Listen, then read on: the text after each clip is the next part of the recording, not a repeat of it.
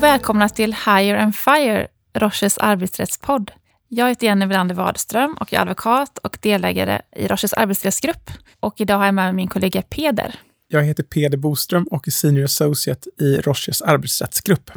Och som ni vet så heter ju vår podd Hire and Fire. Och det anspelar lite på vad vi gör mycket om dagarna. Vi jobbar mycket med hur ett anställningsavtal ingås, men också hur det avslutas. Och idag ska vi fokusera lite på det senare, hur man kan avsluta en anställning. Och man tänker ofta då Peder på saklig grundbegreppet i LAS, att man måste som arbetsgivare då ha grund för att se upp en anställning. Men det finns ju också ett alternativt sätt att avsluta en anställning på, nämligen att man ingår ett avtal med den anställde och det brukar vi kalla för avslutsavtal. Har du ingått många sådana, Peder? Jag har gjort en del. Och du har ju faktiskt gjort det både från arbetstagarsidan och från arbetsgivarsidan genom din karriär, eller hur? Nej, men det, det stämmer. Jag har gjort det både från arbetstagarhåll och från arbetsgivarhåll. Själv har jag ju bara jobbat på arbetsgivarsidan, får jag erkänna. Ja, men ett avslutsavtal då är ju ett avtal eh, där arbetsgivare och arbetstagare är överens om att anställningen ska upphöra. Och det tänkte vi fokusera lite på idag.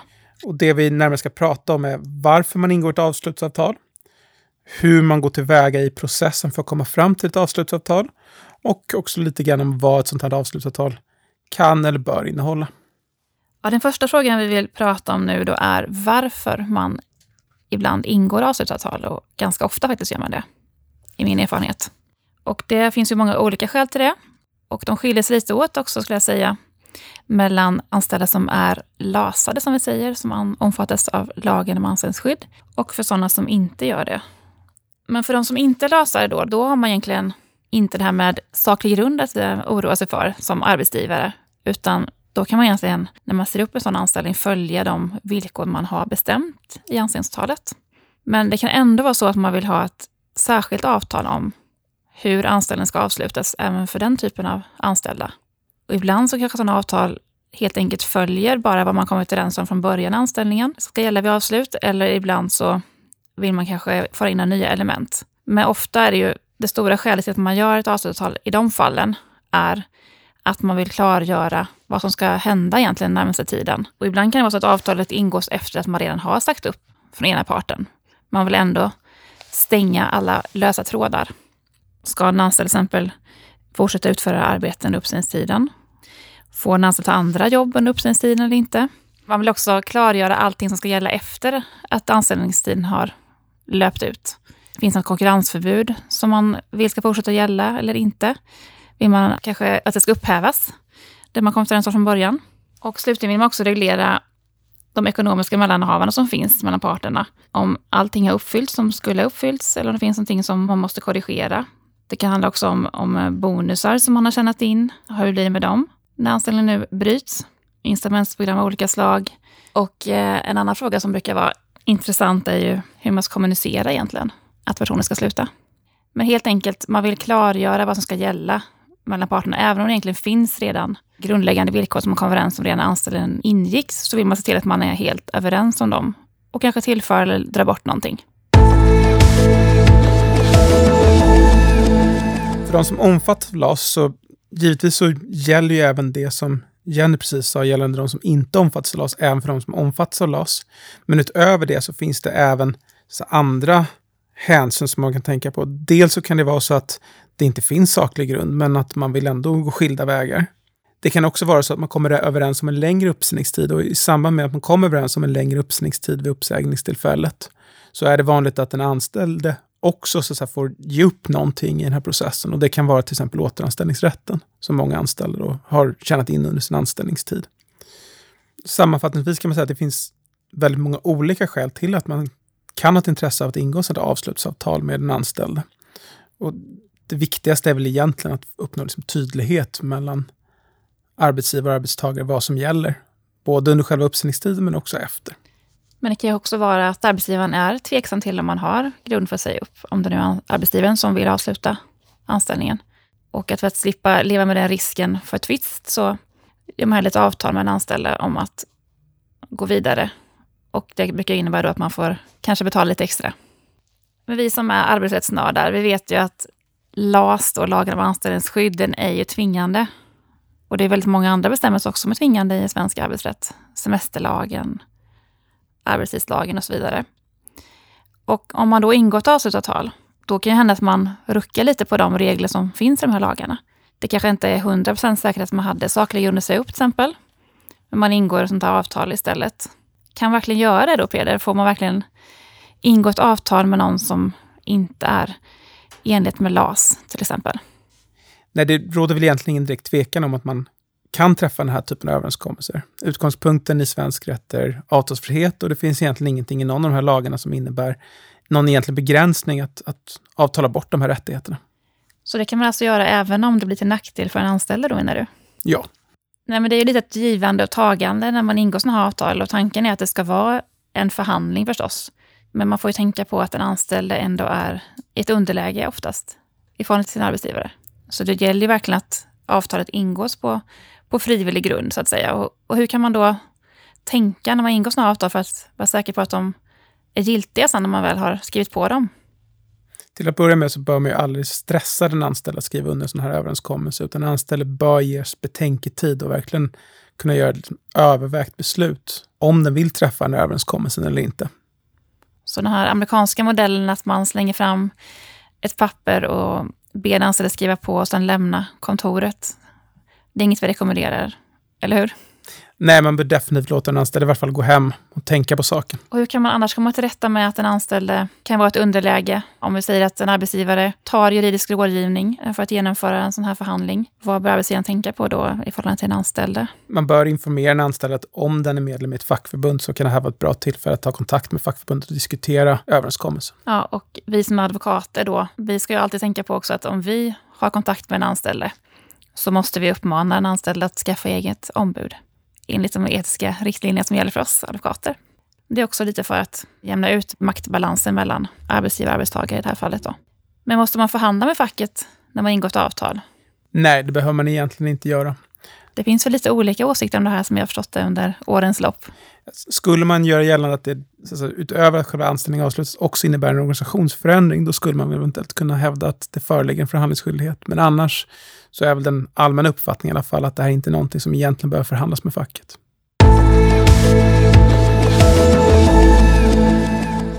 Om man nu ska ingå ett avslutsavtal så finns det väl två primära tekniker hur man ingår det här avtalet. Antingen så utgår man från anställningsavtalet och så skriver man så att vilka villkor som ska gälla under uppsägningstiden kopplat till anställningsavtalet. Eller så använder man en annan teknik som vi här på Roche förespråkar och det är att man egentligen upprättar ett, ett nytt avtal som helt ersätter alla tidigare överenskommelser.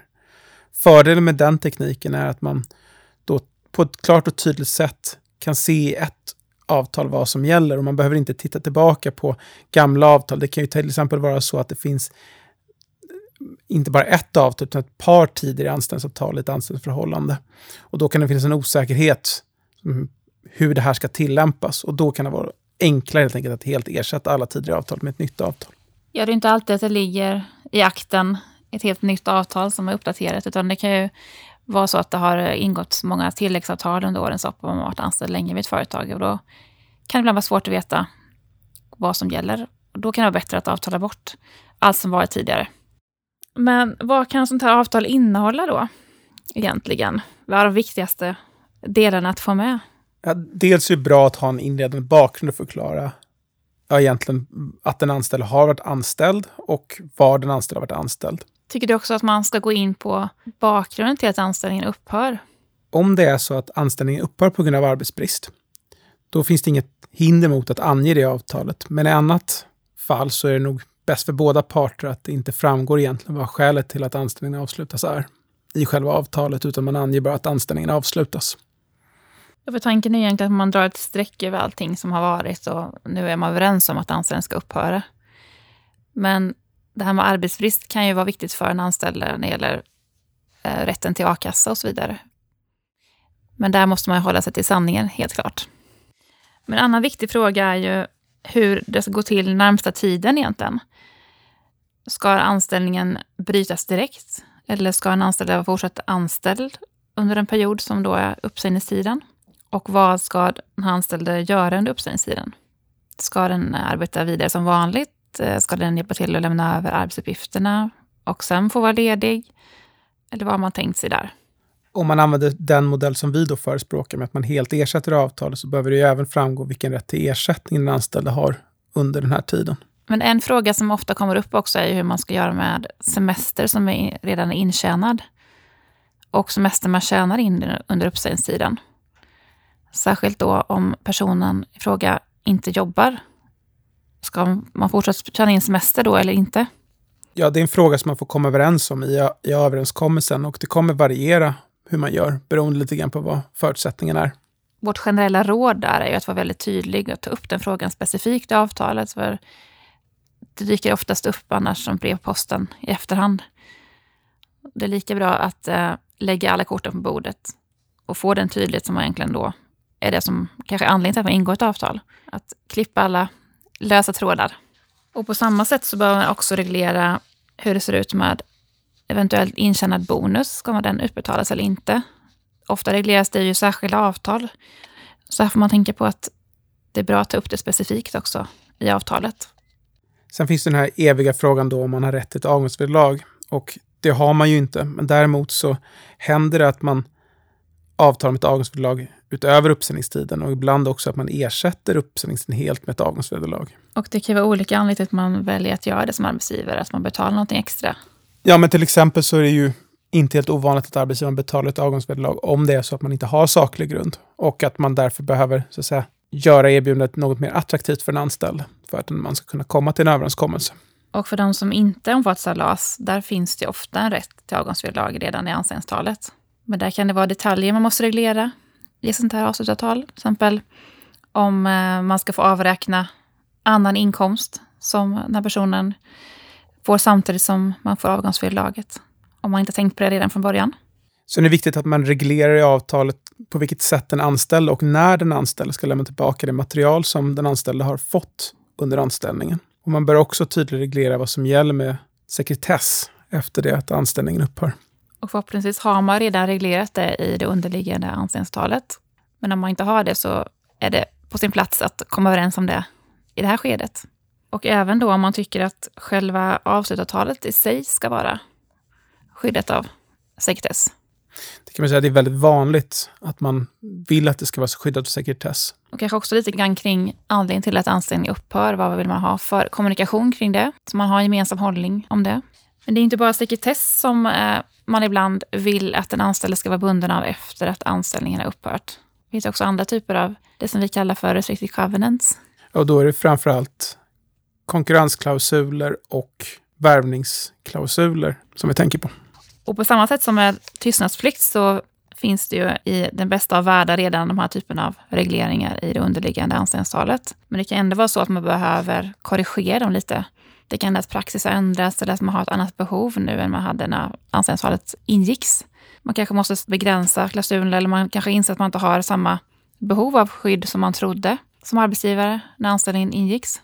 Man kanske vill korta ner den tid som de här klausulerna ska gälla efter att anställningen upphört. Eller begränsa omfattningen på annat sätt. För att verkligen skräddarsy dem till det skydd som man anser att man har ett behov av som arbetsgivare. Och vad gäller konkurrensförbud, om man hade det från början i anställningstalet så är det hög tid nu att ta ställning till om man verkligen behöver det eller inte. Just det här med hur en konkurrensklausul ska vara utformad, det är ju ett helt eget ämne som vi nog kommer att återkomma till i den här podcasten vid något annat tillfälle. Men det man kan tänka på nu är ju att eh, det finns en rätt till ersättning oftast kopplad till ett konkurrensförbud. Och att det behöver man också ta ställning till i det här sammanhanget. Om den ska gälla eller inte och då om man ska betala ersättning eller inte för klausulen. Sen kommer vi till det som kanske är den viktigaste klausulen av alla klausuler i avtalet. Och det är då det som brukar kallas Final Settlement-klausul. Vad innehåller då en sån klausul, Jenny? Ja, det är den som gör att uh, man verkligen ser till att alla loose ends är borta, så att säga. Att man har lagt alla kort på bordet. För att den innebär att man inte kan komma dragande med någonting senare, utan då har man kommit överens om att det är på de här villkoren som anställningen ska upphöra. Och så länge man fullföljer de villkor man har kommit överens om i det här avtalet så, så kan man inte komma och väcka krav mot den andra parten på grund av anställningen senare då. Så man kan inte ihop säcken kan man säga. Och det man ska tänka på när man skriver en sån här Final Settlement-klausul, det är att det är viktigt att noga ange exakt vad klausulen faktiskt innebär. Dels så bör man ange att eventuell rätt till återanställning avtalas bort genom avtalet. Man bör också vara så specifik som man kan gällande vilka krav den anställde skulle kunna komma tillbaka med och liksom särskilt ange att man kan inte komma tillbaka med några krav på semesterersättning, lön, förmåner, bonus eller liknande. Anledningen till det är att Arbetsdomstolen, i vart fall ett avgörande vad jag känner till, har kommit fram till att en allmänt hållen final settlement-klausul inte var tillräcklig för att hindra en anställd att senare komma tillbaka med krav på semesterersättning, tror jag det var i det fallet. Nej, alla kort måste upp på bordet så att båda parterna vet exakt vad de avtalar bort egentligen. Och den anledningen är också bra att under tiden processen pågår att vara så öppen som möjligt med allting och liksom inte sitta och hålla på saker i onödan. Och det gäller även den anställde då kan man ju säga. För att om man gör en sån ömsesidig klausul då, eh, som både arbetsgivare och arbetstagare förbinder sig att inte ha, ha några ytterligare krav mot varandra, så innebär det också att arbetsgivaren inte kan gå på den anställde senare heller om det är någonting som visar sig i efterhand, som den anställde har gjort fel, som har, skulle kunna leda till skadeståndsskyldighet mot arbetsgivaren, vilket då är ganska sällsynt, men ändå händer då och då. Men det är också det att om man sitter och håller på information som är väldigt viktig för den andra parten, när man ingår avtalet så kan det också innebära att hela avtalet blir ogiltigt i efterhand. Det kan också vara fallet om det är så att man avsiktligt ljuger under tiden diskussionen pågår. Till exempel att man påstår att det är arbetsbrist när det inte är arbetsbrist. Då skulle den andra parten kunna gå till domstol eller skiljenämnd vad man har kommit överens om och hävda att avtalet ska ogiltigförklaras. För att man inte hade hela bilden klar för sig. Och det här är ju avtalslagen som styr det och det finns ganska mycket olika rekvisit för vad som ska gälla i de fallen. Men det kan vi tyvärr inte gå igenom nu, men eh, huvudprincipen är ju den. Att eh, om man undanhåller någonting eller ljuger så kan det hända att avtalet blir ogiltigt. Men om vi ska sammanfatta nu då, Peder, varför det finns en del fördelar med att eh, ingå ett avtalsavtal i samband med att anställningen upphör. För jag tycker båda parter har ju att vinna på detta. De största fördelarna är väl egentligen att det skapar en tydlighet vad som gäller mellan parterna och att man helt enkelt är överens om hur avtalsrelationen ska avslutas. Man kan också säga att med avtalen bäddar för att det inte ska bli tvist om varför anställningen upphörde eller vilka villkor som den skulle upphöra på. Och det tycker jag är någonting som både den anställde och arbetsgivaren har att vinna på. Det är oftast bättre att få upp allting på bordet och sen klippa banden och gå vidare. Och med de orden tackar vi för att ni lyssnat på det här avsnittet. Som vanligt tar vi gärna emot eh, idéer om eh, ämnen som ni vill att vi tar upp i den här podden. Och ni hittar våra mejladresser på vår hemsida roche.com. Tack för idag! Tack!